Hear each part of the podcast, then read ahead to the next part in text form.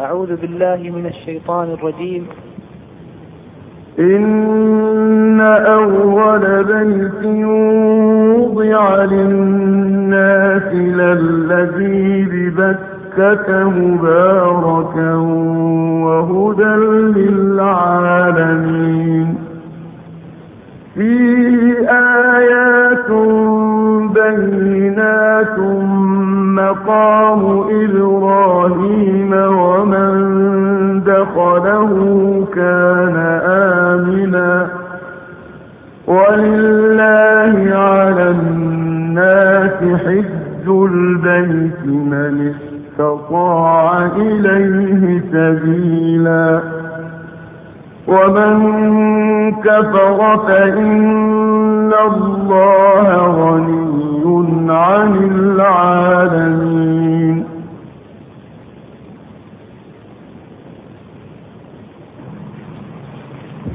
بسم الله الرحمن الرحيم. الحمد لله رب العالمين. وأصلي وأسلم على نبينا محمد خاتم النبيين وإمام المتقين. وعلى آله وعلى آله وأصحابه أجمعين. أما بعد فإنني أتقدم إلى إخوان المسلمين بما تيسر من الكلام على شيء من أحكام الحج والأضحية بمناسبة حلول وقت موسميهما. راجيا من الله تعالى أن يجعل عملي خالصا لله موافقا لمرضاته نافعا لعباده مقربا إليه. إنه جواب كريم. والكلام في الحج والكلام بالحج يتلخص فيما يأتي. أولا متى فرض الحج؟ وعلى من يكون فريضة. ثانيا الأحكام المتعلقة بالسفر. ثالثا من أين يحرم من أراد الحج أو العمرة؟ رابعا الأنساك وأفضلها. خامسا صفة التمتع من ابتداء الإحرام بالعمرة إلى انتهاء الحج بصفة مختصرة. ثالثا طواف الوداع. سابعا محظورات الإحرام. ثامنا حكم فاعل هذه المحظورات تاسعا زيارة المسجد النبوي. أما الكلام في الأضحية فيتلخص فيما يأتي أولا الأضحية تعريفها وحكمها. ثانيا وقت الأضحية. ثالثا الذي يضحى به وعمن يجزئ. رابعا شروط ما يضحى به. خامسا العيوب المكروهة في الأضحية. سادسا كيف تذبح الأضحية؟ سابعا آداب الزكاة التي تنبغي مراعاتها في الأضحية وغيرها. ثامنا الذي يمتنع على المضحي أولا متى فرض الحج وعلى من يكون فريضة؟ فرض الحج في السنة التاسعة من الهجرة أو العاشرة على أرجح أقوال أهل العلم. لأن فرضه كان بقوله تعالى ولله على الناس حج البيت من استطاع إليه سبيلا. ومن كفر فإن الله غني عن العالمين. وتلك الآية في صدر سورة آل عمران النازل النازل عام الوفود سنة تسع من الهجرة. وحكمة تأخر فرضه والله أعلم. أن مكة زادها الله شرفا كانت قبل تلك السنة تحت سيطرة المشركين من قريش. فليس يتسنى للنبي صلى الله عليه وسلم وأصحابه أن يحجوا على الوجه الأكمل. وما أمر عمرة الحديبية وما أمر عمرة الحدي عمرة الحديبية الحديبية ببعيد وما أمر عمرة الحديبية ببعيد فقد صد المشركون رسول الله صلى الله عليه وسلم وأصحابه سنة ست من الهجرة عن إتمام عمرتهم. والحج فريضة على كل مسلم بالغ عاقل مستطيع للحج. بماله وبدنه. فأما غير البالغ فلا يجب الحج عليه ولكن يصح منه وله فيه أجر حج التطوع. وإذا بلغ أدى الفريضة لأن حجه قبل بلوغه حج قبل قبل وقت خطابه به فهو كما لو أدى صلاة الفريضة قبل وقتها. والعاجز عن الحج بماله كالفقير والرقيق لا يجب عليه الحج لقوله تعالى من استطاع إليه سبيلا وهذا غير مستطيع فلا يجب عليه. وأما العاجز ببدنه فقط فإن كان عجزه لا يرجى زواله كالكبر والمرض المستمر فإنه يوكل من يحج عنه. وإن كان عجزه يرجى زواله كالمرض الطارئ فإنه ينتظر حتى يتسنى حتى يشفى منه ثم يحج.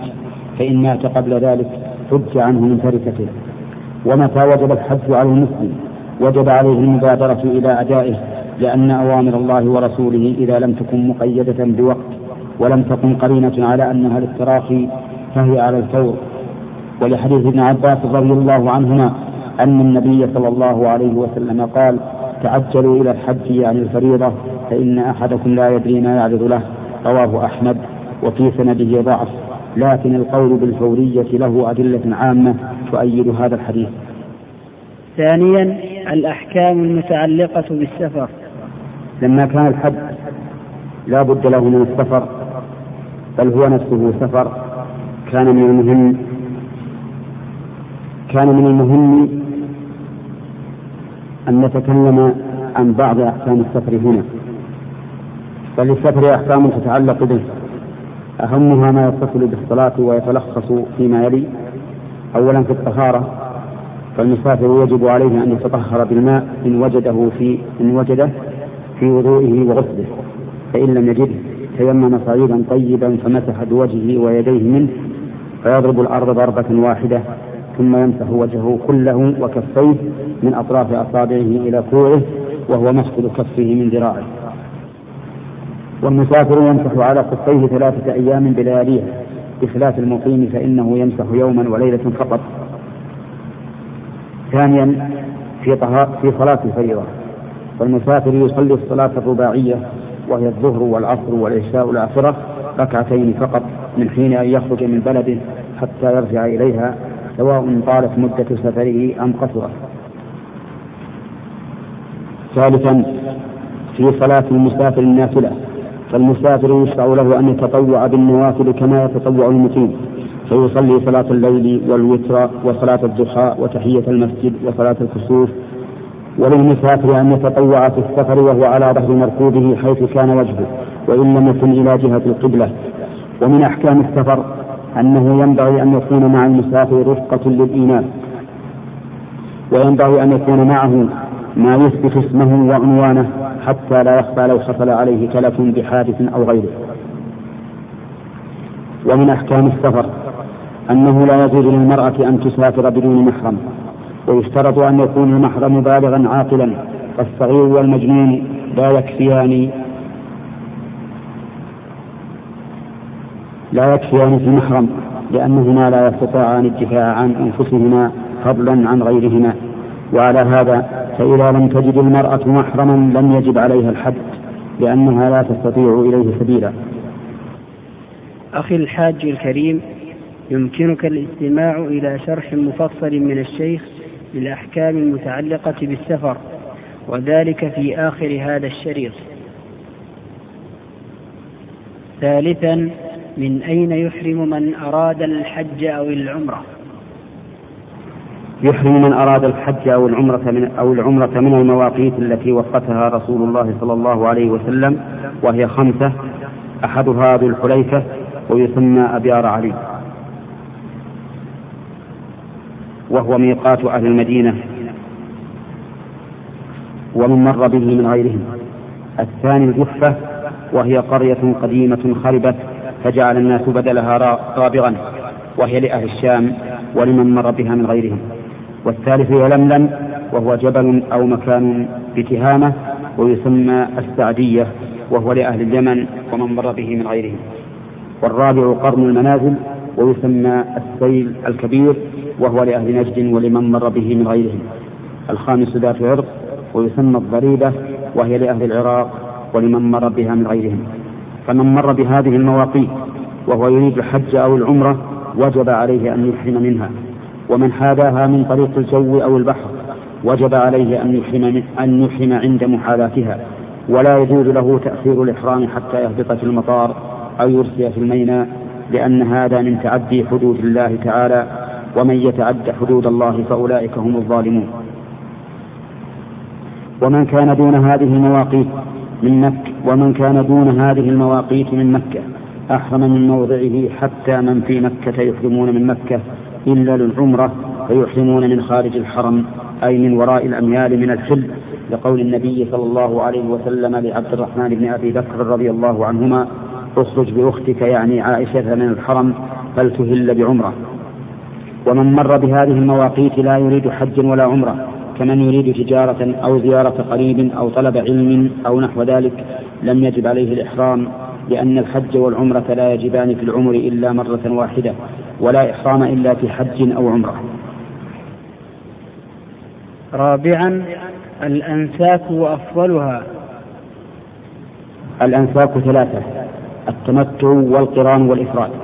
فالتمتع أن يحرم بالعمرة في أشهر الحج أي بعد دخول شهر شوال ويفرغ منها ثم يحرم بالحج من عامه. والقران أن يقرن بين الحج والعمرة فيحرم بهما جميعا أو يحرم بالعمرة وحدها ثم يدخل الحج عليها قبل الشروع في طوافها. والإفراد أن يحرم بالحج وحده. وجمهور العلماء على أن الإنسان مخير بين هذه الأنساك واختلفوا في الأفضل منها. والصحيح أن الأفضل التمتع لأن النبي صلى الله عليه وسلم أمر به أصحابه وحثهم عليه ولأنه أكثر عملا لأنه يأتي بأفعال العمرة كاملة وبأفعال الحج كاملة ولأنه أيسر من غيره لمن قدم مكة في وقت مبكر حيث يتمتع بالحل فيما بين العمرة والحج. ويجب بالتمتع هدي شكران لا جبران. مما يجزئ في الأضحية. من شاة أو سبع بدنة أو بقرة يذبحه يوم العيد أو في الأيام الثلاثة بعده ويفرقه بمنى أو بمكة ويأكل منه. فإن لم يجد فصيام ثلاثة أيام في الحج لا لا يتجاوز بهن الأيام الثلاثة بعد العيد وسبعة إذا رجع إلى أهله. والقارن كالمتمتع في وجوب الهدي أو بدله. أما المفرد فإنه لا هدي عليه. خامسا صفة التمتع من بدء الإحرام إلى انتهاء الحج ألف العمرة أولا إذا أراد أن يحرم بالعمرة اغتسل كما يغتسل للجنابة وتطيب بأطيب ما يجد في رأسه ولحيته ولبس إزارا ورداء أبيضين والمرأة تلبس ما شاءت من الثياب غير أن لا تتبرج بزينة. ثانيا ثم يصلي الفريضة إن كان وقت إن كان وقت فريضة ليحرم بعدها فإن لم يكن وقت فريضة صلى ركعتين بنية سنة الوضوء لا بنية سنة الإحرام لأنه لم يثبت عن النبي صلى الله عليه وسلم أن للإحرام سنة. ثالثا ثم إذا فرغ من الصلاة نوى الدخول في العمرة فيقول لبيك اللهم لبيك لبيك لا شريك لك لبيك إن الحمد والنعمة لك والملك لا شريك لك. لبيك اللهم عمرة. يرفع الرجل صوته بذلك وتخفيه المرأة. ويسمى الإكثار من التلبية حتى يبدأ بالطواف فإذا بدأ بالطواف قطعها. رابعا فإذا وصل إلى مكة بدأ بالطواف من حين قدومه. فيقصد الحجر الأسود فيستلمه أي يمسحه بيده اليمنى ويقبله إن تيسر بدون مزاحمة وإلا أشار إليه ويكبر ثم ينحرف فيجعل البيت عن يساره فإذا مر بالركن اليماني وهو آخر ركن يمر به بعد بعد ركن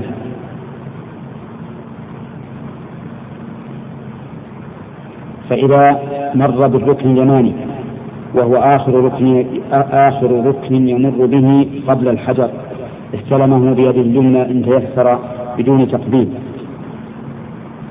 ويطوف سبعة أشواط يرمل الرجل في الأشواط الثلاثة الأولى ويطبع في جميع الطواف. والرمل الإسراع في المشي مع مقاربة الخطى والاتباع أن يجعل وسط الرداء تحت إبطه الأيمن وطرفيه على عاتقه الأيسر. ويذكر الله ويسبحه في طوافه ويدعو بما أحب في خشوع وحضور قلب وكلما أتى الحجر الأسود كبر. ويقول بين الركن اليماني والحجر الأسود ربنا آتنا في الدنيا حسنة وفي الآخرة حسنة وقنا عذاب النار. وأما التقيد بدعاء معين لكل شوق فليس له أصل من سنة الرسول صلى الله عليه وسلم بل هو بدعة محدثة. خامسا فإذا فرغ من الطواف صلى ركعتين وراء مقام إبراهيم ولو بعد عنه يقرأ بعد الفاتحة في الأولى قل يا أيها الكافرون وفي الثانية قل هو الله أحد. ويسن تخفيف هاتين الركعتين كما جاءت به السنة من أجل أن يدع المكان لمن هو أحق به منه. سادسا ثم يطوف بالصفا والمروة أي بينهما سبعة أشواط يبدأ بالصفا ويختم بالمروة. والسنة إذا أقبل على الصفا أن يقرأ قول الله تعالى إن الصفا والمروة من شعائر الله ليستحضر بذلك أنه إنما يسعى من أجل تعظيم شعائر الله عز وجل. ويصعد على الصفا ويقف مستقبل القبلة رافعا يديه ويذكر الله تعالى ويدعوه والسنة للرجل أن يسعى بين العلمين الأخضرين سعيا شديدا. سابعا فإذا أتم السعي قصر من شعر رأسه يعمه بالتقصير وتقصر المرأة منه قدر أنملة. وبذلك تمت العمرة وحل من إحرامه فيستمتع بكل ما أحل الله له. بكل ما أحل الله له قبل الإحرام من اللباس والطيب والنكاح وغير ذلك باء الحج ألف فإذا كان يوم التروية وهو اليوم الثاني من ذي الحجة أحرم بالحج من مكانه الذي هو نازل فيه ويفعل عند إحرامه كما فعل عند إحرام العمرة من الغسل والطيب ولبس الإحرام.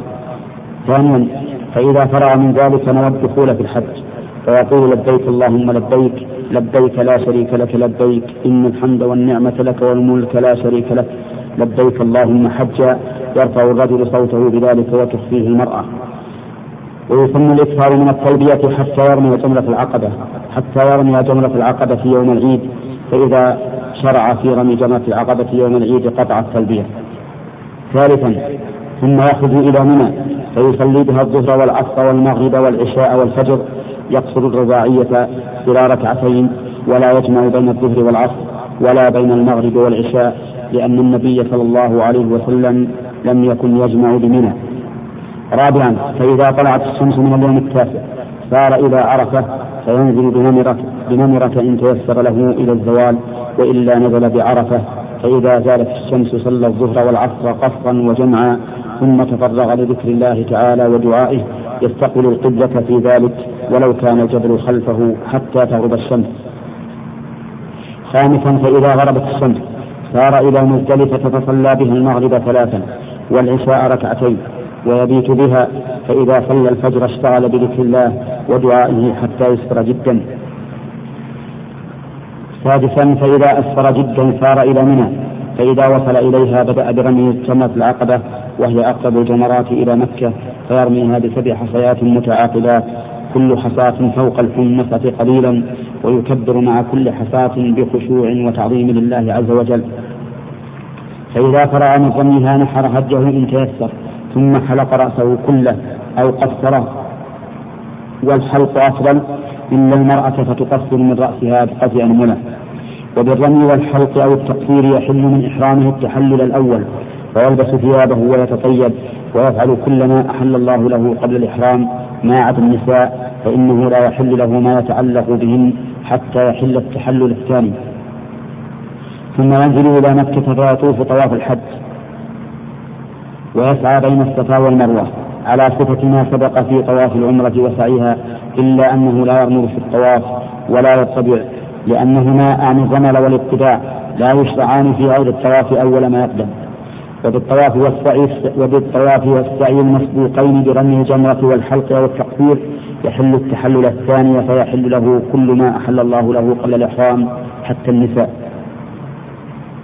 فخلاصة ما يفعل من الأنساك يوم العيد. ما يلي؟ رمي جمرة العقبة نحو الهدي الحلق أو التقصير الطواف والسعي. والسنة أن يرتب أن يرتبها هكذا.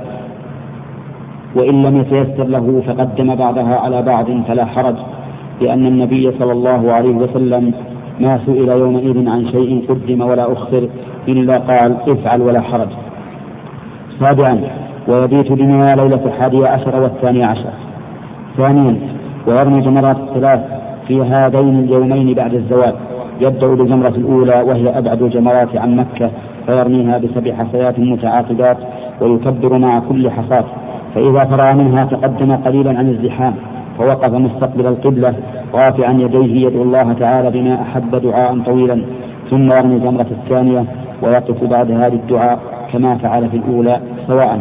ثم يرمي الجمرة الثالثة وهي جمرة العقبة التي رماها يوم العيد كما رمى الجمرتين قبلها ولا يقف بعدها للدعاء. فإذا أتم رمي الجمرات الثلاث في اليوم الثاني عشر فإن شاء تأخر في منى لليوم الثالث عشر ورمى الجمار فيه بعد الزوال وهو أفضل لأنه فعل النبي صلى الله عليه وسلم وفيه زيادة عمل صالح. وإن شاء تعجل في يومين فخرج من منى في اليوم الثاني عشر قبل الغروب. وينبغي أن نكثر من التكبير والذكر في تلك الأيام والليالي. لقول الله تعالى واذكروا الله في أيام معدودات. وقول النبي صلى الله عليه وسلم أيام التشريق أيام أكل وشرب وذكر لله عز وجل وبهذا تمت أفعال الحج بعد هذا المختصر يمكنك الاستماع إلى مزيد من الإيضاح عن كيفية أداء مناسك الحج بعد الشرح المفصل للأحكام المتعلقة بالسفر. سادسا طواف الوداع. إذا نفر الحاج من منى وانتهت جميع أعمال الحج وأراد السفر إلى بلده فإنه لا يخرج حتى يطوف بالبيت للوداع سبعة أشواط لأن النبي صلى الله عليه وسلم طاف للوداع وقال, وقال لتأخذوا عني مناسككم. ولأنه صلى الله عليه وسلم قال لا ينفر أحد حتى يكون آخر عهده بالبيت. وعلى هذا فيجب أن يكون هذا الطواف آخر شيء. فلا يجوز البقاء بعده بمكة ولا التشاغل بشيء إلا ما يتعلق بأغراض السفر وحوائجه كشد الرحل وانتظار الرفقة أو انتظار السيارة إذا كان قد وعدهم في وقت معين فتأخروا عنه ونحو ذلك. فإن قام لغير لغير ما ذكر وجب عليه إعادة الطواف ليكون آخر عهده بالبيت. وهنا أنبه على أمر يفعله بعض الناس. حيث ينزلون في ضحى اليوم الثاني عشر أو ضحى اليوم الثالث عشر من منى فيطوفون للوداع ثم يرجعون إلى منى فيرمون الجمرات بعد الزوال ثم يغادرون إلى بلادهم. وهذا أمر لا يجوز لأنهم إذا فعلوا ذلك لم يكن آخر عهدهم بالبيت بل كان آخر بل كان آخر عهدهم برمي الجمرات وهذا خلاف ما أمر به النبي صلى الله عليه وسلم. ولا يجب طواف الوداع على الحائض والنفساء لحديث ابن عباس رضي الله عنهما قال أمر الناس أن يكون آخر عهدهم بالبيت إلا أنه خفف عن الحائض متفق عليه. وفي صحيح مسلم عن عائشة رضي الله عنها قالت حارت حارت صفية بنت حيي بعدما أفاضت. قالت عائشة فذكرت حيضتها لرسول الله صلى الله عليه وسلم فقال أحادثتنا هي؟ فقلت يا رسول الله إنها كانت قد إنها قد كانت أفاضت وطافت بالبيت ثم حارت بعد الإفاضة فقال النبي صلى الله عليه وسلم فلتنفر والنفساء كالحائض لأن الطواف لا يصح منهما. سابعا محظورات الإحرام. ومحظورات الإحرام هي الأشياء المحرمة في الإحرام في الإحرام بسبب الإحرام وتتلخص فيما يأتي. أولا إزالة الشعر من الرأس بحلق أو غيره وألحق جمهور العلماء به شعر بقية الجسم. ثانيا إزالة الظفر من اليدين أو الرجلين ألحقه جمهور العلماء بالشعر بجامع الترفه. ثالثا استعمال الطيب بعد الإحرام في البدن أو الثوب أو المأكول أو المشروب. رابعا لبس القفازين وهما سراب اليدين. خامسا المباشرة لشهوة. وفدة هذه المحظورات الخمسة. على التخيير كما ذكره الله تعالى في القرآن في حلق الرأس. وقيس عليه الباقي فيخير بين صيام ثلاثة أيام أو إطعام ستة مساكين لكل مسكين نصف صاع أو ذبح شاة ويفرق الطعام والشاة على المساكين إما في مكة أو في مكان فعل المحظور ثالثا الجماع في الفرج. وإذا وقع في الجماع في الحج قبل التحلل الأول ترتب عليه أربعة أمور. أولا فساد النسك الذي وقع فيه الجماع ثانيا وجوب المضي فيه ثالثا وجوب قضائه من العام القادم ثالث رابعا فدية فدية فدية رابعا فدية وهي بدنة ينحرها ويفرقها على المساكين في مكة أو في مكان الجماع. المحظور السابع عقد النكاح وليس فيه فدية لكن النكاح يسقط سواء كان المحسن الزوج أو الزوجة أو الولي أو وكيله فيه ثامنا قتل الصيد البري المتوحش وعليه جزاؤه وهو ذبح مثله يفرقه على فقراء الحرم أو أو يقومه بطعام يفرقه على فقراء الحرم أو يصوم عن إطعام كل مسكين يوما. وهذه المحظورات الثمانية حرام على كل محرم ذكرا كان أم أنثى ويختص الذكر بالمحظورين التاليين أولا تغذية الرأس بالملاصق فأما غير الملاصق كالخيمة وسقف السيارة والشمسية فلا بأس به.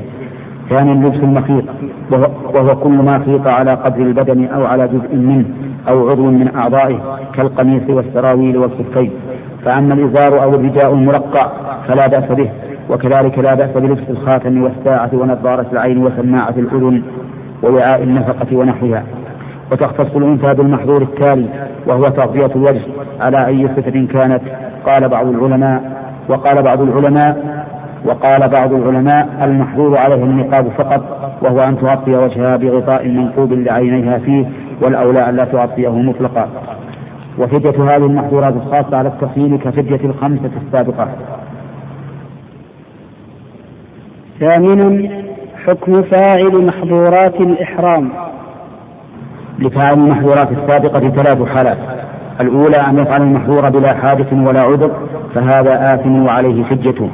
الثاني أن يفعله لحاجة فليس بآثم وعليه فديته قال الله تعالى فمن كان منكم مريضا أو به أذى من رأسه ففدية من صيام أو صدقة أو نسك.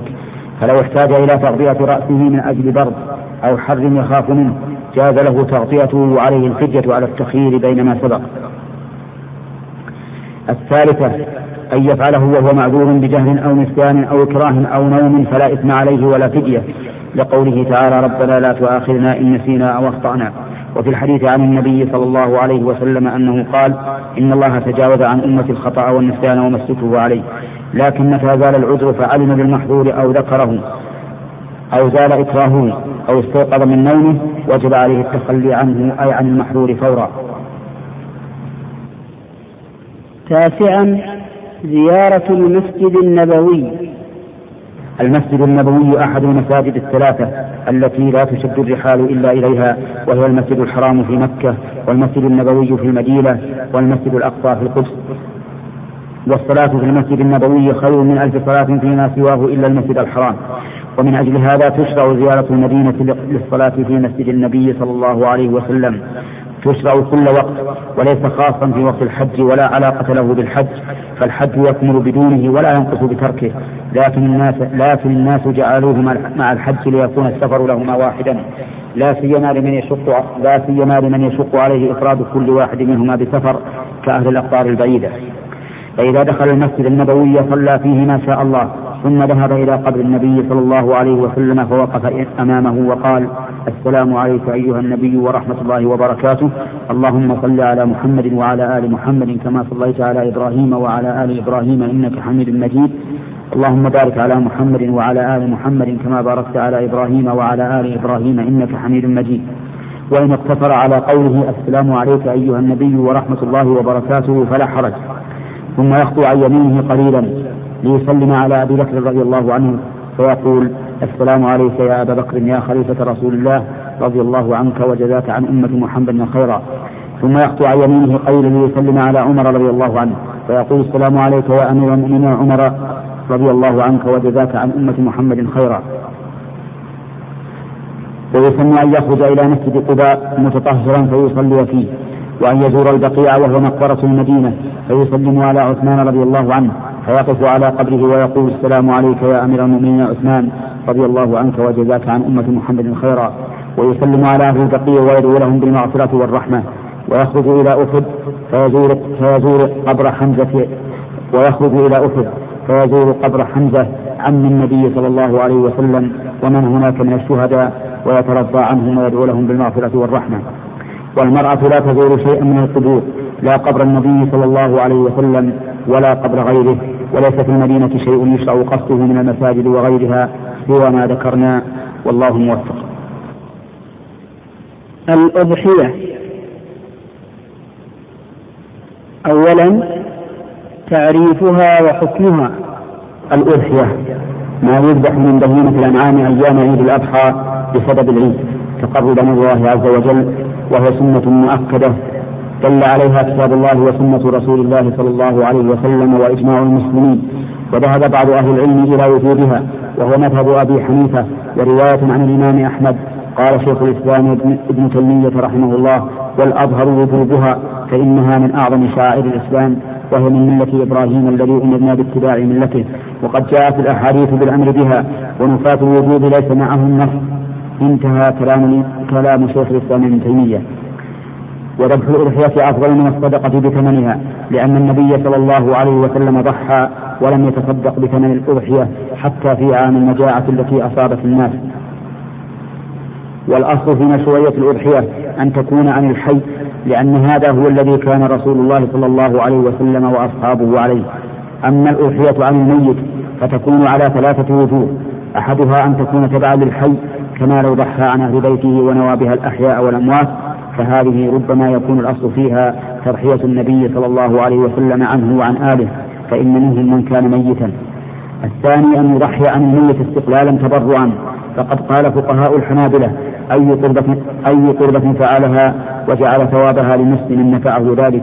والأضحية من القرب فالنص على خصوص الأضحية عن الميت. لكن من الخطأ ما يفعله كثير من الناس.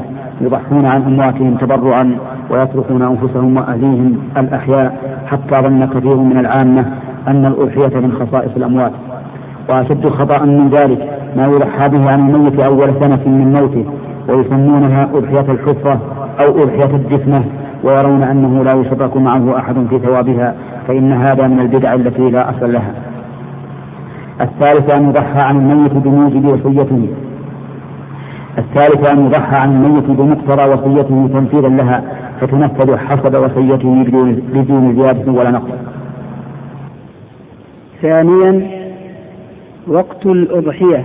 وقت الأضحية من صلاة العيد يوم الأضحى إلى آخر يوم من أيام التشريق. وأيام التشريق ثلاثة. وأيام التشريق ثلاثة بعد يوم العيد. فتكون أيام الذبح أربعة ويكثر الذبح ليلا والذبح في النهار أفضل وأفضله يوم العيد.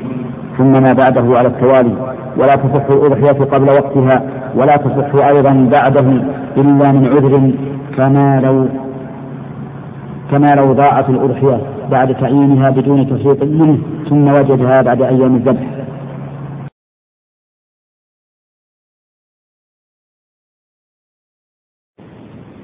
ثالثا الذي يضحى به وعمن يجزئ.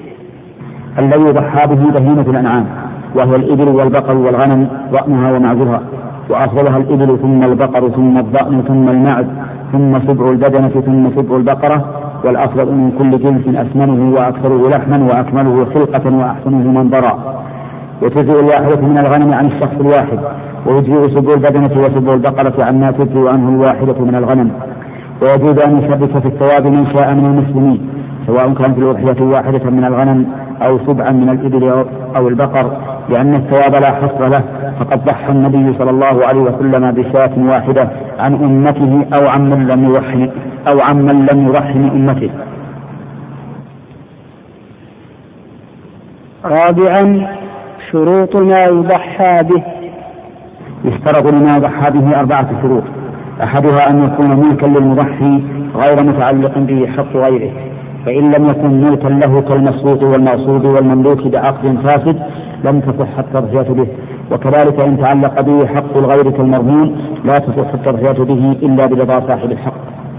الثاني أن يكون من بهيمة الأنعام وهي الإبل والبقر والغنم ضأنها ومعزها الثالث أن تكون الأضحية بالغة من السن الشرعي بأن بأن تكون جزعا فما فوقه من الضأن وثنيا فما فوقه من غيره. قال أصحابنا الحنابلة رحمهم الله الجدع من الضأن ما تم له ستة أشهر والثني من المعز ما تم له سنة ومن البقر ما تم له سنتان ومن الإبل ما تم له خمس سنين.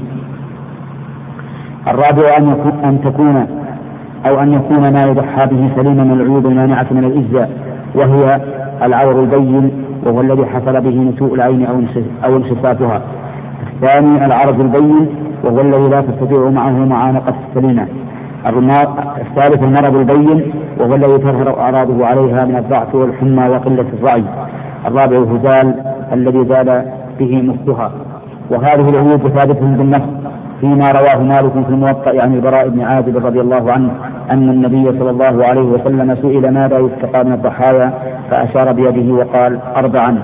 العرجاء البين ولعها والعوراء البين عورها والمريضة البين مرضها والعجفاء التي لا تنقي. قال في المغني لا نعلم خلافا في أنها يعني هذه العيوب تمنع الإجزاء. ويلحق بهذه الأربع ويلحق بهذه العيوب الأربعة ما كان مثلها أو أولى منها بعدم الإجزاء. فلا يضحى بما يأتي. أولا العمياء فأما العشواء التي لا تبصر في الليل فتجزئ لأنها ليست عورة. ثانيا المبشومة حتى تفلت لأن البشم عارض خطير كالمرض البين فإذا سلطت زال الخطر فإن بقيت بعده مريضة بينة المرض لم تجزئ وإلا أجزأت ثالثا التي بدأت تتولد حتى تنجو لأن ذلك خطر قد يولي بحياتها فهو كالمرض البين. ويحتمل أن تجزئ إذا كانت ولادتها كالمعتاد لأن الغالب فيها السلامة إلا أن يمضي عليها وقت يفسد به اللحم فلا تجزئ. رابعا ما أصاب ما أصابها سبب الموت كالمنخنقة والمنقولة والمتردية وما أكل السبع ونحوها لأن هذا أشد من العرج البين. خامسا الزنا وهو العاجزة عن نفسه لعاها سادسا مقطوعة إحدى اليدين أو الرجلين لأن هذه والتي قبلها أولى بعدم الإجزاء من من العرجاء. وعلى هذا فتكون العيوب المانعة من الأجزاء من الإجزاء في التضحية بالبهيمة عشرة. أربعة أربعة بالنفس وستة بالقياس. لكن إن حدثت هذه العيوب بغير فعل آدمي بعد أن عينها صاحبها ولم يكن منه تعد ولا تفريط أجزأت لأنها أمانة لأنها أمانة في يده. خامسا العيوب المكروهة في الأضحية. هناك عيوب تكون في الأضحية لا تمنع التضحية بها ولكنها توجب كراهتها فتكره التضحية بما يلي. أولا العضبة وهي التي قطعت وهي التي قطعت أذنها أو قطع قرنها كلا أم بعضا فأما مفقودة القرن والأذن بأصل الخلقة فلا تكره. ثانيا المقابلة وهي التي شقت أذنها عرضا من الأمام. ثالثا المدابرة وهي التي شقت أذنها عرضا من الخلف. رابعا السرقة وهي التي شقت أذنها طولا. خامسا الخرقة وهي التي خرقت أذنها. سادسا المصفرة أو المسفرة وهي التي استؤصلت أذنها حتى بدا سماخها سابعا المستأصلة وهي التي ذهب قرنها من أصله. ثامنا البخقاء وهي التي بخقت عينها ولم تبلغ العور البين. تاسعا المشيعة أو المشيعة وهي التي تتأخر عن أخواتها من الضعف إذا لم تصل إلى حد يمنع من إجزائها. فهذه تسع من المعيبات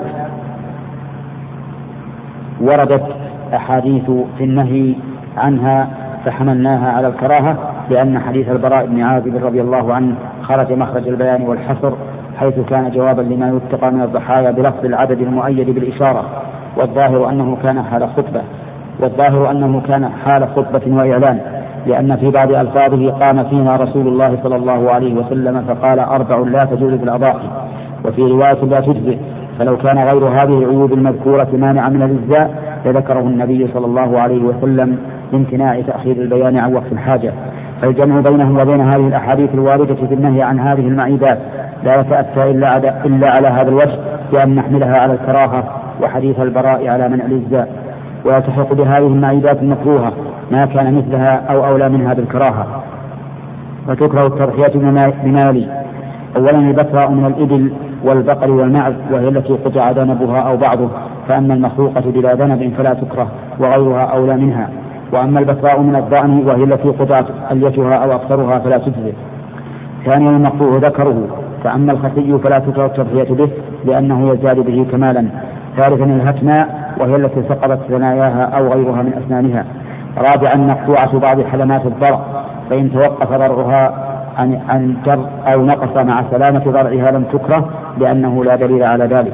وعلى هذا فتكون المعيبات بما يكره ثلاث عشرة تسع بالنفس وأربع بالقياس لكن إن حدثت هذه العيوب بغير فعل آدمي بعد أن عينها صاحبها ولم يكن منه تعد ولا تفريط لم تكره. سادسا كيف تذبح الأضحية؟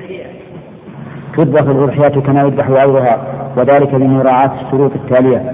أولا أن يكون المذكي وهو الذابح أو الناحر من أهل الزكاة. بأن يكون عاقلا مسلما أو كتابيا وهو اليهودي أو النصراني إلا أن علماءنا كرهوا أن يتولى غير المسلم ما يقع قربة كالأضحية ثانيا أن يقول عند الزكاة بسم الله فإن لم يذكر اسم الله فإن لم يذكر اسم الله لم تحل. ثالثا أن تكون الزكاة بمحدد منه الدم سوى الظفر والعظم. رابعا أن ينهر أن ينهر الدم بقطع الوجهين وهما العرقان الغليظان المحيطان بالحلقوم. وقيل يشترط قطع الحلقوم وهو مجرى النفس والمني وهو مجرى الطعام. والرقبة كلها محل للذبح لكن السنة أن تكون زكاة الإبل نحرا من أسفل الرقبة وزكاة غيرها ذبحا من أعلاها. سابعا آداب الزكاة التي ينبغي مراعاتها في الأضحية وغيرها. أولا توجيه الذبيحة إلى القبلة.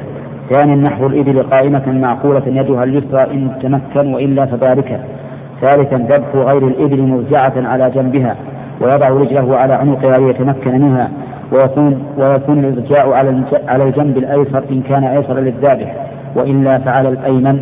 ولم ولم أجد عن النبي صلى الله عليه وسلم أكثر من وضع الرجل على العنق فلم أجد الإمساك بقوائم الذبيحة الأربع. بل صرح النووي في شرح المهذب أنه يستحب الا يمسكها بعد الذبح مانعا لها من الاضطراب. وأبدى بعض المعاصرين حكمة في إرسال قوائمها وعدم إمساكها بأن حركتها تزيد في إنهاء الدم وإخراجه من الجسم. رابعا استكمال قطع الحلقوم والمري والوجين. خامسا الإحسان إلى الذبيحة بعمل كل ما يريحها عند الذبح من سهولة الإضجاع من سهولة الارتجاع بل من سهولة من سهولة الإضجاع وإمرار السكين بقوة ونحو ذلك ويحرم أن يذبحها بآلة كالة أو نحوها مما يزيد في إيلامها بلا حاجة وأن يكسر عنقها أو يسلخها قبل أن تموت. سادسا أن يواري أن يواري السكين عن الذبيحة عند شحذها أي سنها سابعا أن يزيد التكبير بعد قول بسم الله عند ذبح الأضاحي ونحوها مما يقع قربه. ثامنا أن يسمي عند ذبح الأضحية من هي له سواء كانت الأضحية لنفسه أو لغيره. فيقول بسم الله والله أكبر اللهم هذا عن فلان ابن فلان وأما مسح ظهر الأضحية. وترديد اسم من هي له كما يفعله كثير من العامة فلا أعلم له أصلا من السنة وعلى هذا فلا ينبغي فعله. وإن ذبحها ونوى من هي له بدون تسمية أجزأت. تاسعا أن أن يدعو عند ذبح الأضحية بالقبول كما ثبت عن النبي صلى الله عليه وسلم أنه يقول بسم الله اللهم تقبل من محمد وآل محمد ومن أمة محمد. ثامنا الذي يمتنع على المضحي. يجتنب من أراد الأضحية من أخذ شيء من شعره أو أظفاره أو بشرته من دخول شهر الحجة حتى يذبح أضحيته لأن النبي صلى الله عليه وسلم نهى عن ذلك. لكن من احتاج إلى أخذ شيء من ذلك مثل أن ينكسر ظفره ويؤذيه فله قصه أو يكون في رأسه جرح يحتاج في مداواته إلى قص الشعر منه فلا بأس بقصه لأنه ليس بأعظم لأنه ليس أعظم من المحرم الذي أباح الله حلق رأسه للأذى والحكمة من النهي عن أخذ ذلك أنه لما كان المضحي مشابها للمحرم في بعض أعمال النسك وهو التقرب إلى الله بذبح القربان أعطي بعض أحكامه من تجنب هذه الأشياء. والله أعلم. وصلى الله وسلم على نبينا محمد وعلى آله وصحبه ومن تبعهم بإحسان إلى يوم الدين.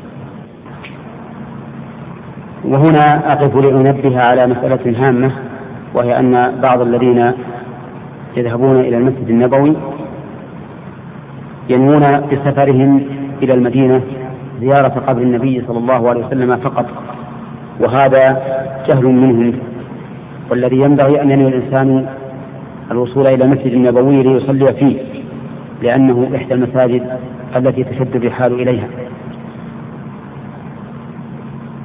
كما أن بعض الناس يقفون عند قبر النبي صلى الله عليه وسلم ويدعون النبي صلى الله عليه وسلم نفسه.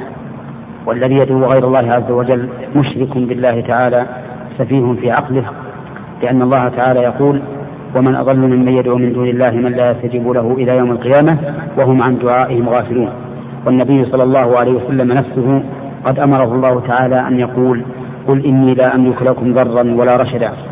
وأن يقول قل لا أملك لنفسي نفعا ولا ضرا إلا ما شاء الله. وأن يقول قل لا أقول لكم عندي خزائن الله ولا أعلم الغيب ولا أقول لكم إني ملك إن أتبع إلا ما يوحى إلي. فمن دعا غير الله فإنه مشرك بالله عز وجل ومن يشرك بالله فقد حرم الله عليه الجنة ومأواه النار وما للظالمين من أنصار. فيا أخي المسلم كيف تدعو غير الله سبحانه وتعالى؟ وهو لا يملك لك وهو أي الذي تدعوه سوى الله لا يملك لك ضرا ولا رشدا. ولا يملك ولا يملك لك نفعا وتترك دعاء الله عز وجل الذي يجيب المضطر إذا دعاه ويكشف السوء وأسأل الله تعالى أن يوفق إخوان المسلمين لمن يبصرهم في دينهم حتى يقوموا به على وجه الأكمل. أعوذ بالله من الشيطان الرجيم. الحج أشهر معلومات فمن فرض فيهن الحج فلا رفث ولا فسوق ولا جدال في الحج. وما تفعلوا من خير يعلمه الله. وتزودوا فإن خير الزاد التقوى. واتقون يا أولي الألباب. ليس عليكم جناح أن تبتغوا فضلا من ربكم. فإذا أفضتم من عرفات فاذكروا الله عند المشعر الحرام واذكروه كما هداكم. واذكروه كما هداكم وإن كنتم من قبله لمن الضالين. كما أشرنا في أول الشريط إليك كلام الشيخ عن الأحكام المتعلقة بالسفر مفصلة. الأحكام المتعلقة بالسفر. لما كان الحج لا بد له من السفر بل هو نفسه سفر. كان من المهم كان من المهم أن نتكلم عن بعض أحكام السفر هنا. فللسفر أحكام تتعلق به.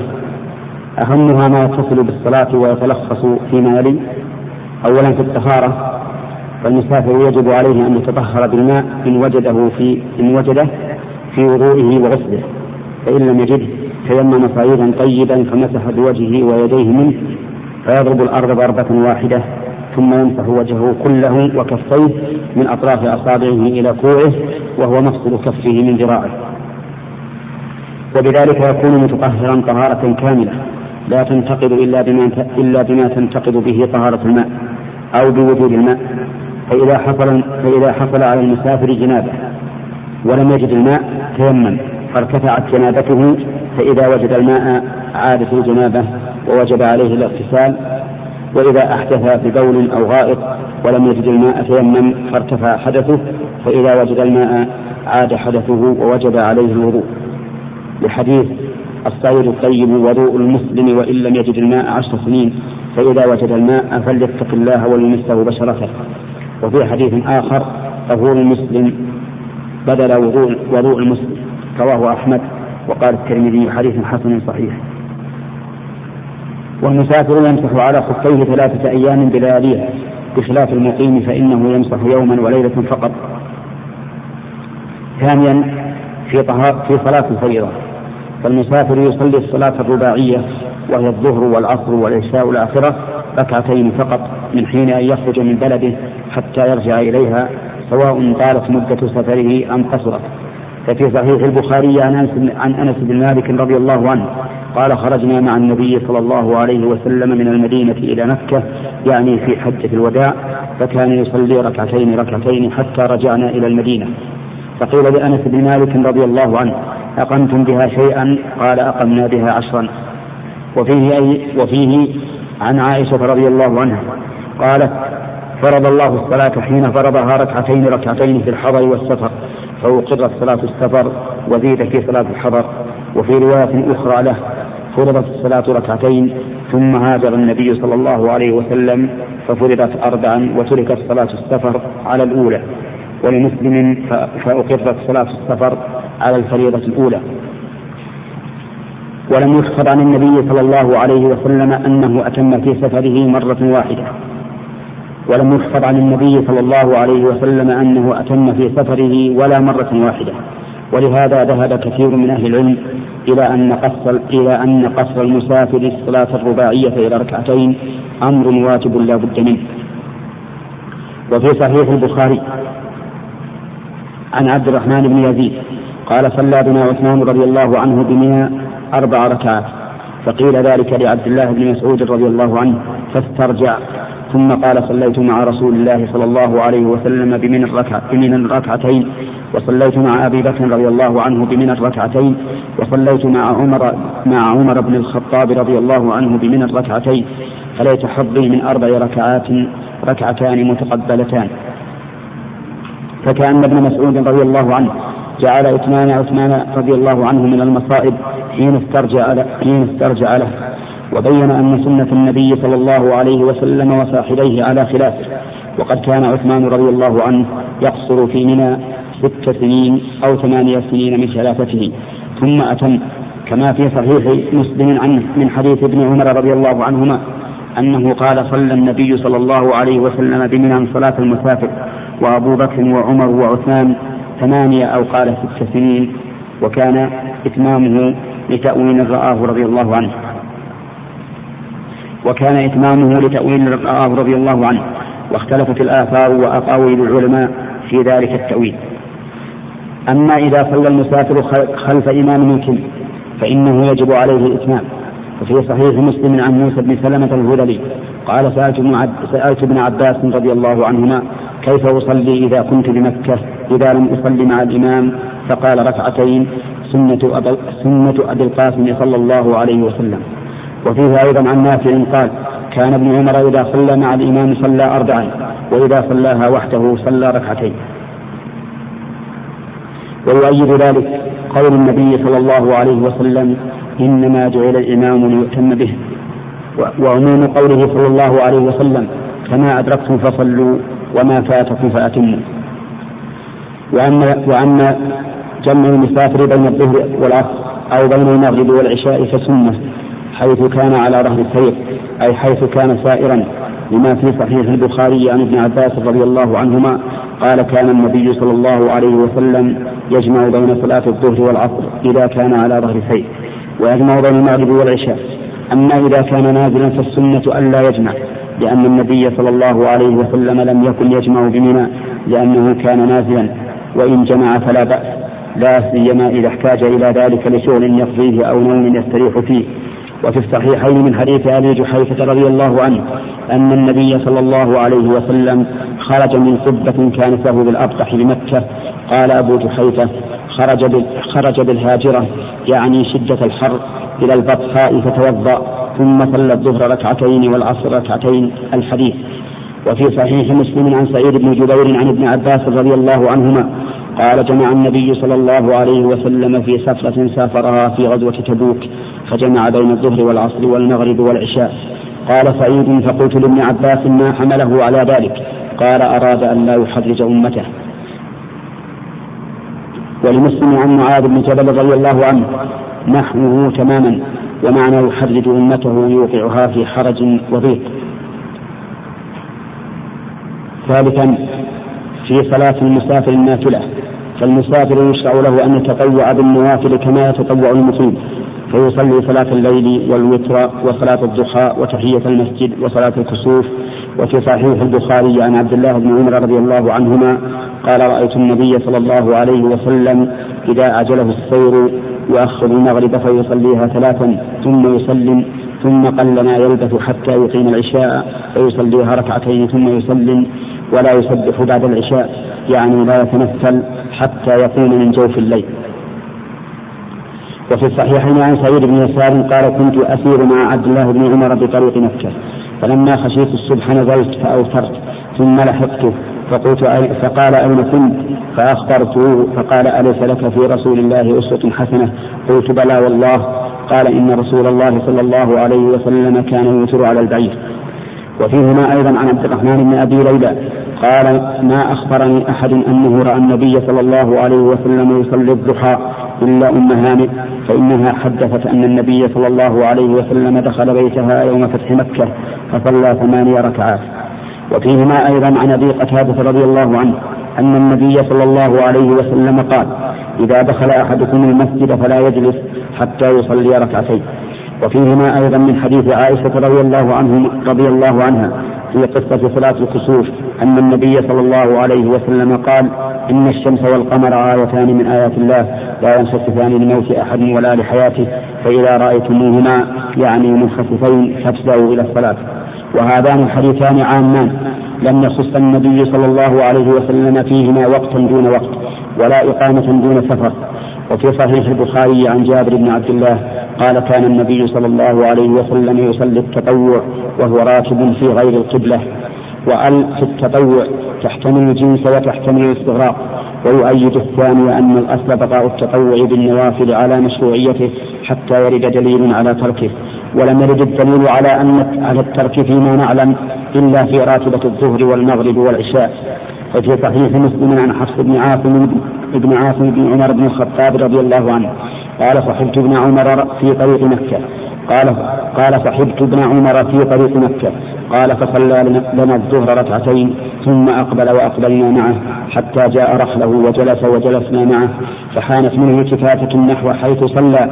فرأى ناسا قياما فقال ما يصنع هؤلاء؟ قلت يسبحون. يعني يصلون نافلة.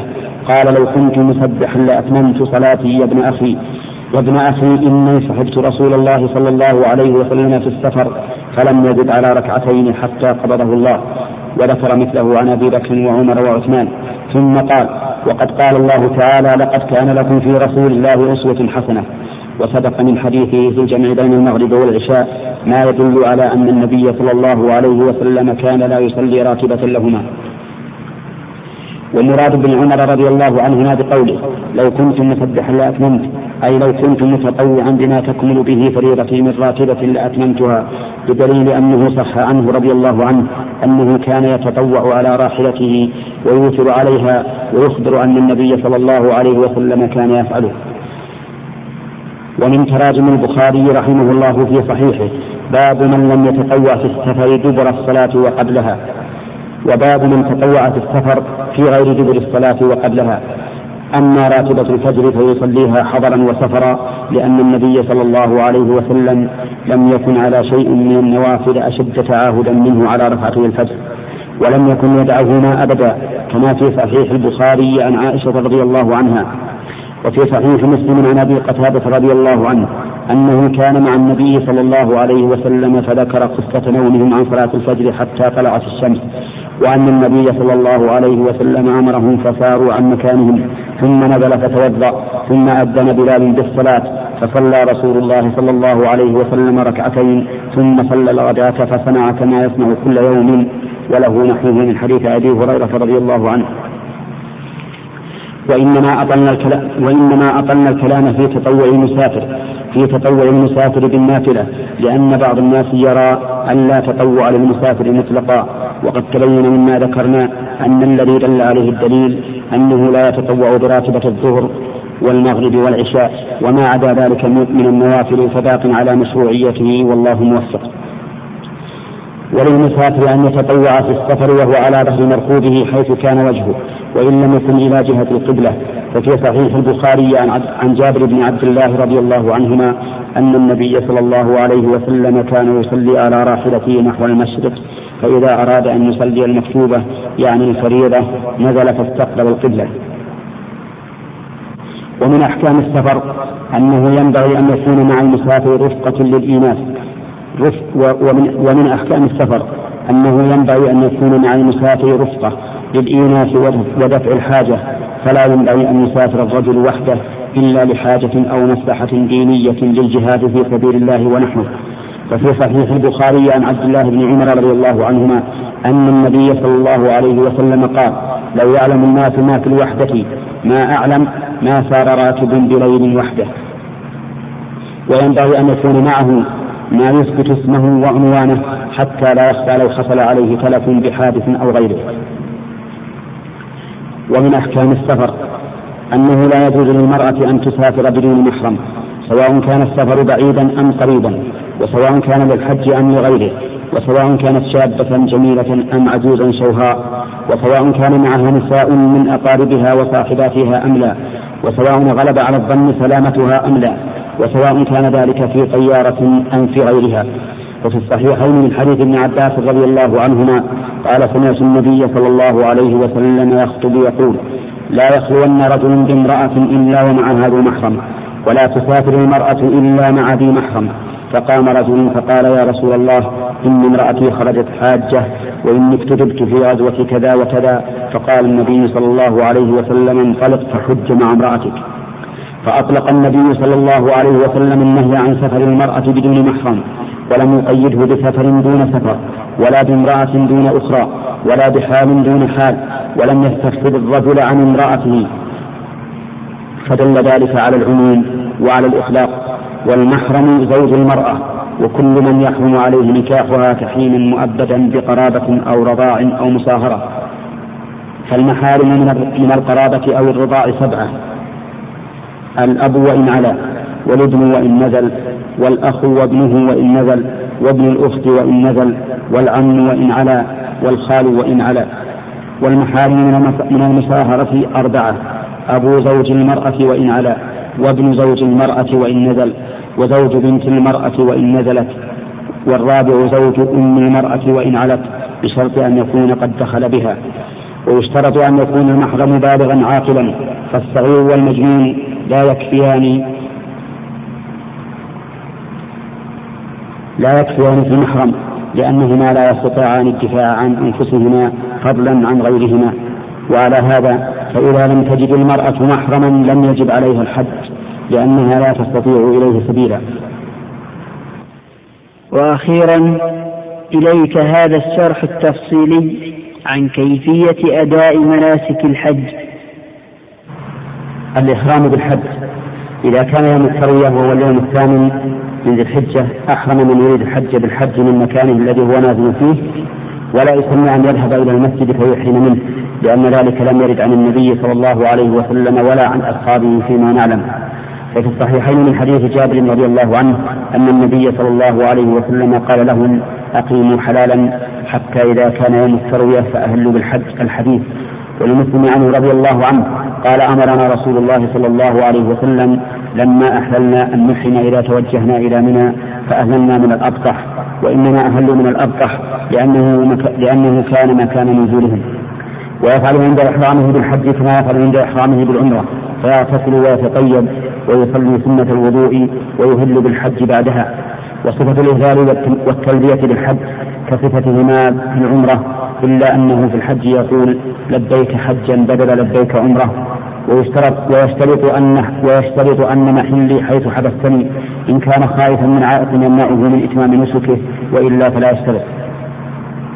الخروج إلى منى. ثم يخرج إلى منى فيصلي بها الظهر والعصر والمغرب والعشاء والفجر والفجر قصرا من غير جمع لأن النبي صلى الله عليه وسلم فعل كذلك.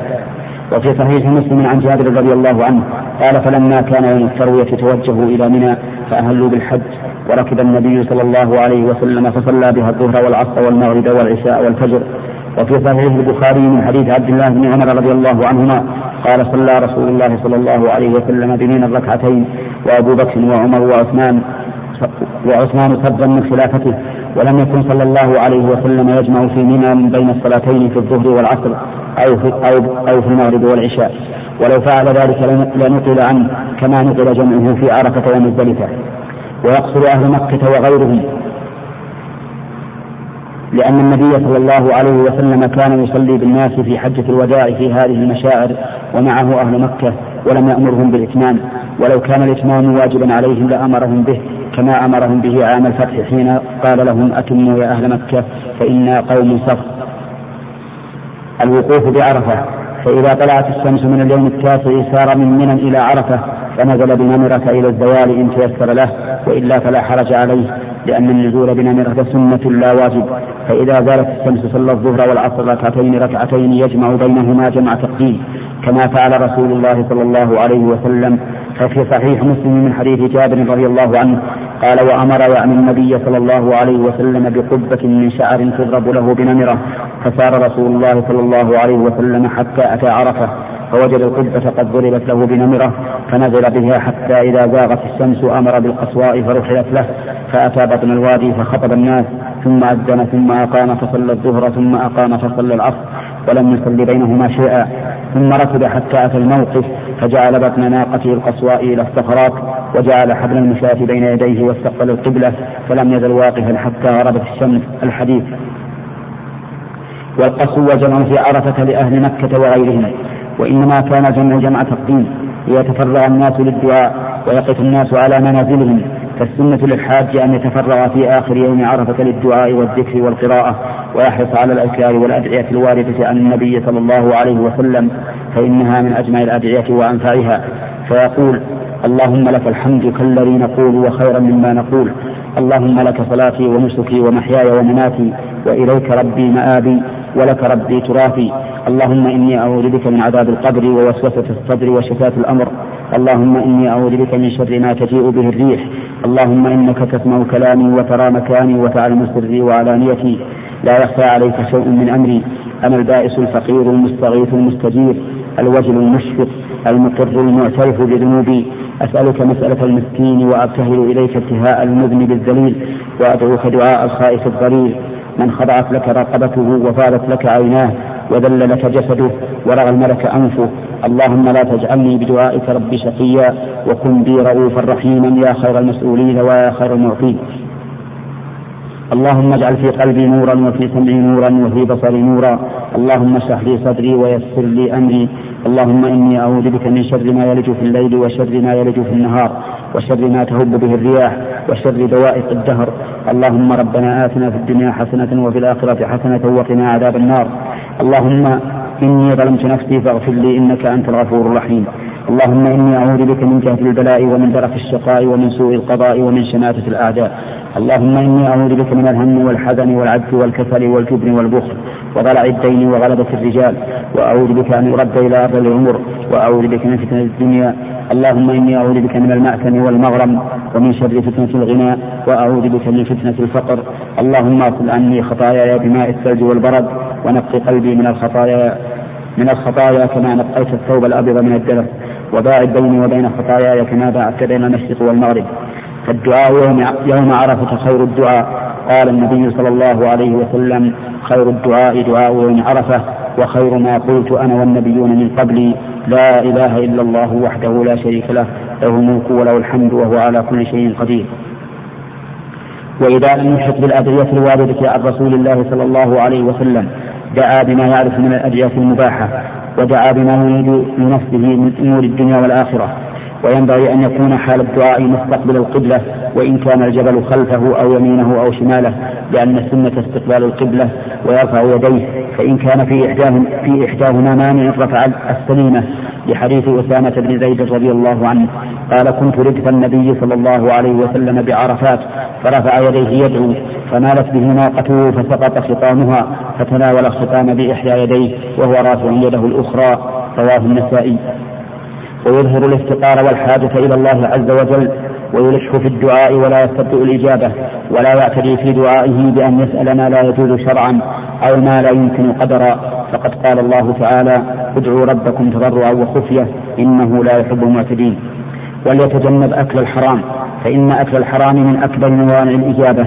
ففي صحيح مسلم من حديث أبي هريرة رضي الله عنه أن النبي صلى الله عليه وسلم قال إن الله طيب لا يقبل إلا طيبا. الحديث وفيه ثم ذكر الرجل يطيل السفر أشعث أغبر يمد يديه إلى السماء يا ربي يا رب ومطعمه حرام ومشربه حرام وملبسه حرام وغذي بالحرام فأنى يستجاب لذلك. فقد استبعد النبي صلى الله عليه وسلم إجابة من يتغذى بالحرام ويلبس الحرام مع توفر أسباب القبول في حقه وذلك لأنه يتغذى بالحرام. وإذا تيسر له أن يقف في موقف النبي صلى الله عليه وسلم عند الصخرات فهو أفضل وإلا وقف فيما يتيسر له من عرفة. فعن جابر رضي الله عنه أن النبي صلى الله عليه وسلم قال نحرتها هنا ومن كلها منحر فانحروا في رحالكم. ووقفتها هنا وعرفة كلها موقف ووقفتها هنا وجمع يعني مزدلفة كلها موقف رواه أحمد ومسلم. ويجب على الواقف بعرفة أن يتأكد من حدودها وقد نسبت عليها علامات علامات يجدها من يتقلبها فإن كثير من الحجاج يتهاونون جدا فيقفون خارج حدود عرفة جهلا منهم وتقليدا لغيرهم وهؤلاء الذين وقفوا خارج حدود عرفة ليس لهم حج لأن الحج عرفة لما روى عبد الرحمن بن يعمر يعمر أن أناسا من أهل نجد أتوا رسول الله صلى الله عليه وسلم وهو واقف بعرفة فسألوه فأمر مناد ينادي الحج عرفة من جاء ليلة جمع قبل طلوع قبل طلوع الفجر فقد أدرك. أيام من ثلاثة أيام فمن تعجل في يومين فلا إثم عليه ومن تأخر فلا إثم عليه وأردف رجلا ينادي بهن رواه الخمسة فيجب العناية بذلك أي والتأكد من حدود علامات عرفة. لأنه مهم جدا حتى يتيقن الإنسان أنه داخل حدودها. ومن وقف بعرفة نهارا وجب عليه البقاء إلى غروب الشمس لأن النبي صلى الله عليه وسلم وقف إلى الغروب وقال لتأخذوا عني مناسككم ولأن الدفع قبل الغروب من أعمال الجاهلية التي جاء الإسلام بمخالفتها. ويمتد وقت الوقوف بعرفة إلى طلوع الفجر يوم العيد. لقول النبي صلى الله عليه وسلم من جاء ليلة جمع قبل طلوع الفجر فقد أدرك فإن طلع الفجر يوم العيد قبل أن يقف بعرفة فقد فاته الحج فإن كان قد اشترط في ابتداء إحرامه إن حدثني حادث فمحلي حيث حدثتني تحلل من إحرامه ولا شيء عليه وإن لم يكن اشترط فإنه يتحلل بعمرة فيذهب إلى الكعبة ويطوف بالبيت ويسعى بين الصفا والمروة ويحلق وإن كان معه هدي ذبحه فإذا كان العام القادم قضى الحج الذي فاته وأهدى هديا فإن لم يجد صام عشرة أيام ثلاثة في الحج وسبعة إذا رجع إلى أهله. لما روى مالك في الموطأ أن عمر بن الخطاب رضي الله عنه أمر أبا أيوب وهبار بن الأسود حين فاتهما الحج فأتيا يوم النحر أن يحلا بعمرة ثم يرجعا حلالا ثم يحجا عاما قابلا ويهديا فمن لم يجد فصيام ثلاثة أيام في الحج وسبعة إذا رجع إلى أهله. المبيت بمزدلفة. ثم بعد الغروب يدفع الواقف بعرفة إلى مزدلفة فيصلي بها المغرب والعشاء يصلي المغرب ثلاثا والعشاء ركعتين. وفي الصحيحين عن أسامة بن زيد رضي الله عنهما قال دفع النبي صلى الله عليه وسلم من عرفة فنزل الشعر فبال ثم توضأ والمسك والوضوء. فقلت يا رسول الله الصلاة. قال الصلاة أمامك. فجاء المزدلفة فتوضأ فأسبغ الوضوء. ثم أقيمت الصلاة فصلى المغرب ثم أناخ كل إنسان بعيره في منزله ثم أقيمت العشاء فصلاها. فالسنة للحاج أن لا يصلي المغرب والعشاء إلا بمزدلفة اقتداء برسول الله صلى الله عليه وسلم. إلا أن يخشى خروج وقت العشاء بمنتصف الليل فإنه يجب عليه أن يصلي قبل خروج الوقت في أي مكان كان. ويبيت بمزدلفة ولا يحيي الليل بصلاة ولا غيرها لأن النبي صلى الله عليه وسلم لم يفعل ذلك. وفي صحيح البخاري من حديث ابن عمر رضي الله عنهما قال جمع النبي صلى الله عليه وسلم بين المغرب والعشاء بجمع.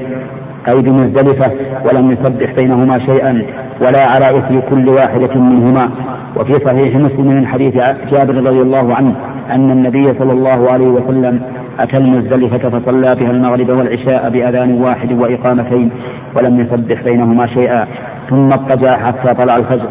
ويجوز للضعافة من رجال ونساء أن يدفعوا من مزدلفة بليل في آخره. ويجوز للضعفة من رجال ونساء أن يدفعوا من مزدلفة في آخر الليل لما في صحيح مسلم عن ابن عباس رضي الله عنهما قال بعث بي رسول الله صلى الله عليه وسلم بسحر.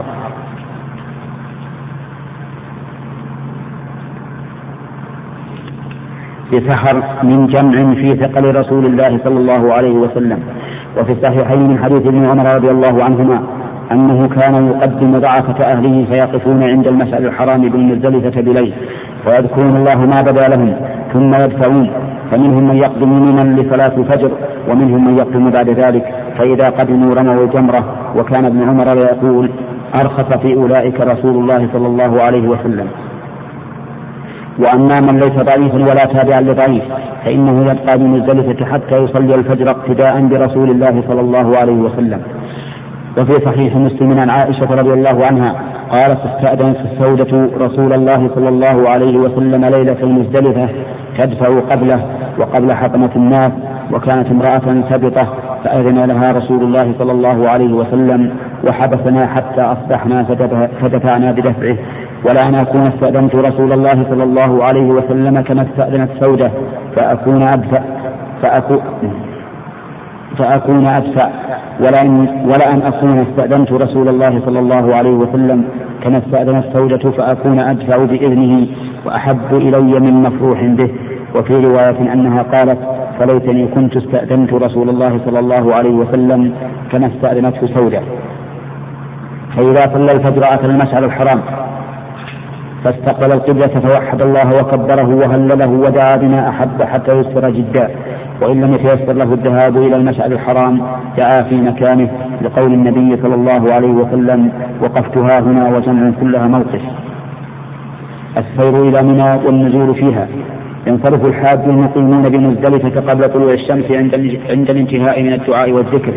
فإذا وصل فإذا وصل الحاج إلى منى عمل ما يأتي. أولا رمى جمرة رمى جمرة العقبة وهي الجمرة الكبرى التي تلي مكة في منتهى منى. فيلقط سبع حصيات مثل حصى الخبز. أكبر من أكبر من الحنة قليلا. ثم يرمي بهن الجمرة واحدة بعد الأخرى ويرمي من بطن الوادي إن تيسر له. فيجعل الكعبة عن يساره ومن عن يمينه لحديث ابن مسعود رضي الله عنهما أنه انتهى أنه انتهى إلى الجمرة الكبرى فجعل البيت عن يساره ومن عن يمينه ورمى بسبع وقال هكذا رمى الذي أنزلت عليه سورة البقرة متفق عليه. ويكبر مع كل حفاد فيقول الله أكبر.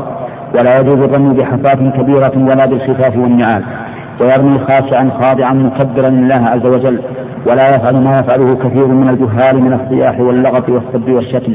فإن رمي الجمار من شعائر الله ومن يعظم شعائر الله فإنها من تقوى القلوب. وفي الحديث عن النبي صلى الله عليه وسلم أنه قال إنما جعل الطواف بالبيت وبالصفا والمروة ورمي الجمار لإقامة ذكر الله. ولا يندفع إلى الجنة بعنف وقوة فيؤذي إخوانه المسلمين أو يضرهم ثانيا ثم بعد الجنة يذبح الهدي إن كان معه هدي أو يشتريه فيذبحه وقد تقدم أو يشتريه فيذبحه ثم بعد ثالثا ثم بعد ذبح الهدي يحلق رأسه إن كان رجلا أو يقصره. والحلق أفضل لأن الله تعالى قدمه في قوله محلقين رؤوسكم ومقصرين. ولأنه فعل النبي صلى الله عليه وسلم. فعن أنس بن مالك رضي الله عنه أن النبي صلى الله عليه وسلم أتى منا فأتى الجمرة فرماها ثم أتى منزله بمنى ونحر ثم قال للحلاق خذ وأشار إلى جانبه الأيمن ثم الأيسر ثم جعل يعطيه الناس رواه مسلم. ولأن النبي صلى الله عليه وسلم دعا للمحلقين بالرحمة والمغفرة ثلاثا وللمقصرين مرة. ولأن الحلق أبلغ تعظيما لله عز وجل حيث يلقي به جميع شعر رأسه. ويجب أن يكون الحلق أو التقصير شاملا لجميع الرأس لقوله تعالى محلقين رؤوسكم ومقصرين والفعل المضاف إلى الرأس يشمل جميعه ولأن حلق بعض الرأس دون بعض منهي عنه شرعا لما في الصحيحين عن نافع عن ابن عمر رضي الله عنهما أن النبي صلى الله عليه وسلم نهى عن القزع فقيل لنافع إن القزع قال أن يحلق بعض رأس الصبي ويترك بعض وإذا كان القزع منهيا عنه لم يصح أن يكون قربة إلى الله عز وجل. ولأن النبي صلى الله عليه وسلم حلق جميع رأسه تعبدا لله عز وجل وقال لتأخذوا عني مناسككم وأما المرأة فتقصر من أطراف شعرها بقدر أنملة فقط. وإذا فعل ما سبق حل له جميع محظورات الإحرام ما عدا النساء فيحل له الطيب واللباس وقص الشعر والأظافر وغيرها من المحظورات ما عدا النساء لقول عائشة رضي الله عنها كنت أطيب النبي صلى الله عليه وسلم لإحرامه قبل أن يحرم ولحلمه قبل أن يطوف بالبيت. متفق عليه واللفظ لمسلم. وفي لفظ له كنت أطيب النبي صلى الله عليه وسلم قبل أن يحرم ويوم النحر قبل أن يطوف بالبيت بطيب فيه مسك. ولا يتوقف الحل على فعل هذه الأشياء كلها بل إذا رمى الجمرة وحلق أو قصر حل له كل شيء من محظورات الإحرام إلا النساء. رابعا الطواف بالبيت وهو طواف الزيارة والإفاضة لقوله تعالى ثم ليقضوا تفتهم وليوفوا نذورهم وليطوفوا بالبيت العتيق. وفي صحيح مسلم عن جابر رضي الله عنه في صفة حج النبي صلى الله عليه وسلم قال ثم ركب فأفاض إلى البيت فصلى بمكة الظهر الحديث. وعن عائشة رضي الله عنها قالت حججنا مع رسول الله صلى الله عليه وسلم فأفضنا يوم النحر. الحديث متفق عليه.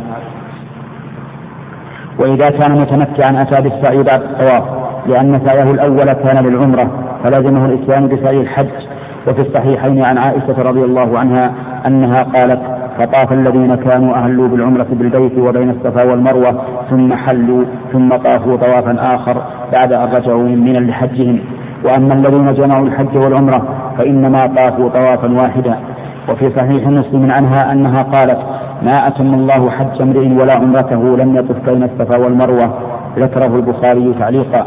وفي صحيح البخاري عن ابن عباس رضي الله عنهما قال ثم أمرنا يعني رسول الله صلى الله عليه وسلم عشية التروي يعني رسول الله صلى الله عليه وسلم عشية التروية أن نهل بالحج فإذا فرغنا من المناسك جئنا فطفنا بالبيت وبالصفا والمروة وقد تم حجنا وعلينا الهدي. ذكره البخاري في باب ذلك لمن لم يكن أهله حاضر المسجد الحرام. وإن كان وإن كان مفردا أو قارنا فإن كان قد سعى بعد طواف القدوم لم يعد السعي مرة أخرى لقول جابر رضي الله عنه لم يطف النبي صلى الله عليه وسلم ولا أصحابه بين الصفا والمروة إلا طوافا واحدا طوافه الأول رواه مسلم. وإن كان لم يسعى وجب عليه السعي لأنه لا يتم الحج إلا به كما سبق عن عائشة رضي الله عنها. وإذا طاف طواف الإفاضة وسعى للحج بعده أو قبله إن كان مفردا أو قارنا فقد حل التحلل الثاني وحل له جميع المحظورات لما في الصحيحين عن ابن عمر رضي الله عنهما في صفة حج النبي صلى الله عليه وسلم قال ونحر هجه يوم النحر وأفاض فطاف بالبيت ثم حل من كل شيء حرم منه. والأفضل ترتيب هذه الأعمال كما يلي واحد رمي جمرة العقبة. اثنين رمي ذبح الهدي ثلاثة الحلق أو التقصير. أربعة الطواف ثم السعي إن كان متمتعا أو كان مفردا أو قارنا ولم يسع مع طواف القدوم. لأن النبي صلى الله عليه وسلم رتبها هكذا وقال لتأخذوا عني مناسككم. فإن قدم بعضها على بعض فلا بأس. في حديث ابن عباس رضي الله عنهما أن النبي صلى الله عليه وسلم قيل له في الذبح والحلق والرمي والتقديم والتأخير فقال لا حرج متفق عليه. وللبخاري عنه قال كان النبي صلى الله عليه وسلم يسأل يوم النحر بمنى فيقول لا حرج. فسأله رجل فقال حلقت قبل أن, قبل أن أذبح. قال اذبح ولا حرج. وقال رميت بعد ما أمسيت. قال لا حرج.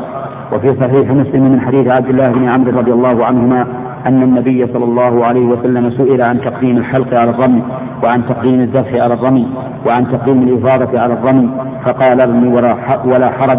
قال فما رأيته سئل يومئذ عن شيء إلا قال افعلوا ولا حرج. وإذا لم وإذا لم يتيسر له الطواف يوم العيد جاز تأخيره والأولى أن لا يتجاوز به أيام التشريق إلا من عذر كمرض وحيض ونفاس. المبيت بمنى ورمي ورمي جمرات أيام التشريق. يمكث الحاج في منى بقية يوم العيد وأيام التشريق ولياليها لأن النبي صلى الله عليه وسلم كان يمكث فيها هذه الأيام والليالي. ويلزمه المبيت في منى الليلة الحادية عشر وليلة الثانية عشر وليلة الثالثة عشر إن تأخر. لأن النبي صلى الله عليه وسلم بات فيها وقال لتأخذوا عني مناسككم ويجوز ترك المبيت ويجوز ترك المبيت ويجوز ترك المبيت لعذر يتعلق بمصلحة الحج أو الحجاج.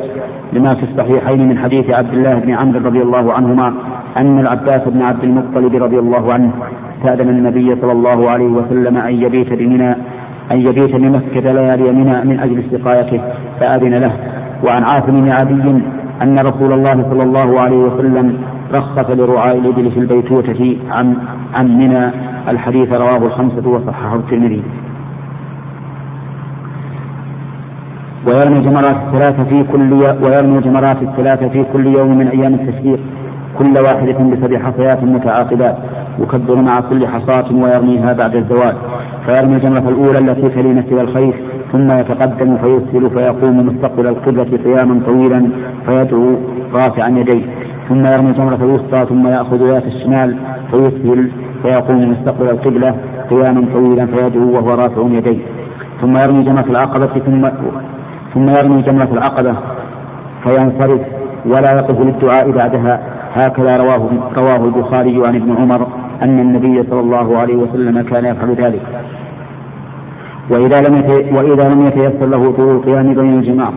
فوقف بقدر ما يتيسر له ليحصل له إحياء ليحصل له إحياء هذه السنة التي تركها أكثر الناس إما جهلا أو تهاونا. ولا ينبغي ترك هذا الوقوف. فتضيع السنة فإن السنة كلما أضيعت كان فعلها أوكب لحصول فضيلة العمل ونشر السنة بين الناس.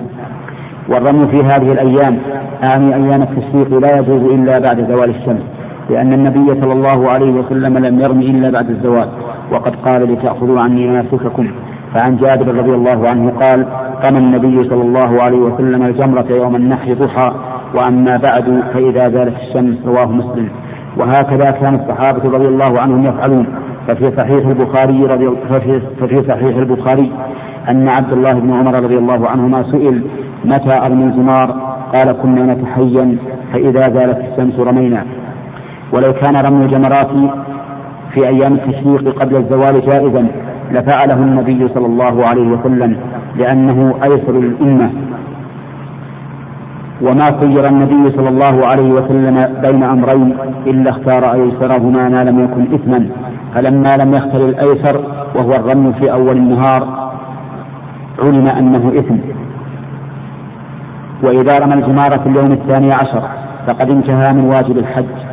فهو بالخيار إن شاء بقي في منى لليوم الثالث عشر ورمى الجمار بعد الزوال وإن شاء نفر منها لقول الله تعالى فمن تعجل في يومين فلا إثم عليه ومن تأخر فلا إثم عليه لمن اتقى والتأخر أفضل لأنه فعل النبي صلى الله عليه وسلم ولأنه أكثر عملا حيث يحصل له المبيت ليلة الثالث عشر ورمي الجمار من يومه. لكن إذا غربت الشمس في اليوم الثاني عشر قبل نفره من منى فلا يتعجل حينئذ لأن الله سبحانه قال فمن تعجل في يومين فقيد التعجل في اليومين ولم يطلقه فإذا انتهت اليومان فقد انتهى وقت التعجل. واليوم ينتهي بغروب واليوم ينتهي بغروب شمسه وفي الموطأ عن نافع أن عبد الله بن عمر رضي الله عنهما كان يقول من غربت له الشمس من أوسط أيام التشريق وهو بمنى فلا ينفر حتى يرمي الجمار من الغد.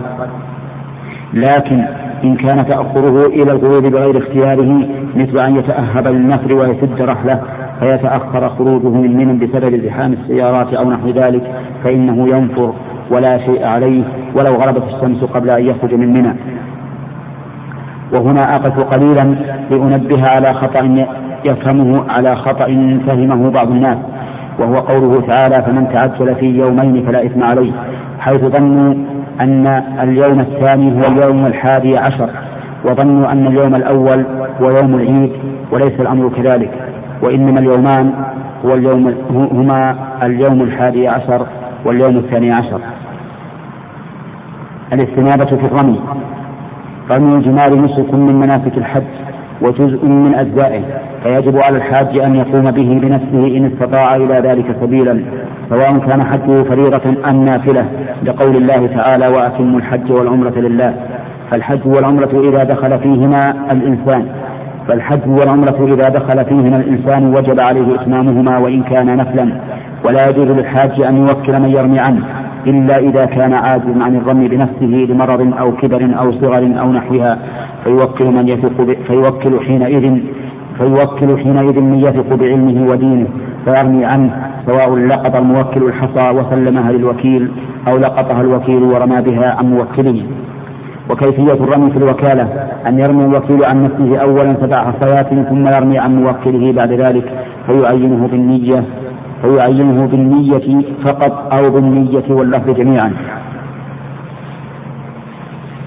الرمي في الليل. الأفضل للإنسان أن يرمي الجمرات في النهار. فإن كان يخشى من الزحام فإنه لا بأس أن يرميها ليلا.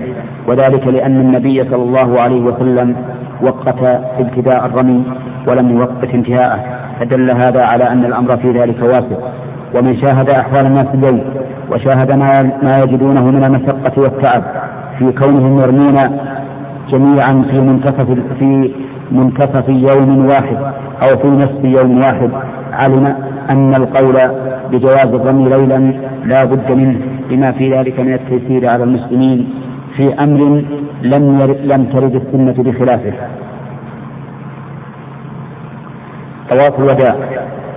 إذا نفر من منى وانتهت جميع أعمال الحج وأراد السفر إلى بلده فإنه لا يخرج حتى يطوف بالبيت للوداع سبعة أشواط لأن النبي صلى الله عليه وسلم طاف للوداع وقال, وقال لتأخذوا عني مناسككم ولأنه صلى الله عليه وسلم قال لا ينفر أحد حتى يكون آخر عهده بالبيت.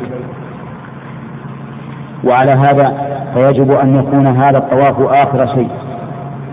فلا يجوز البقاء بعده بمكة ولا التشاغل بشيء إلا ما يتعلق بأغراض السفر وحوائجه كشد الرحل وانتظار الرفقة أو انتظار السيارة إذا كان قد وعدهم في وقت معين فتأخروا عنه ونحو ذلك.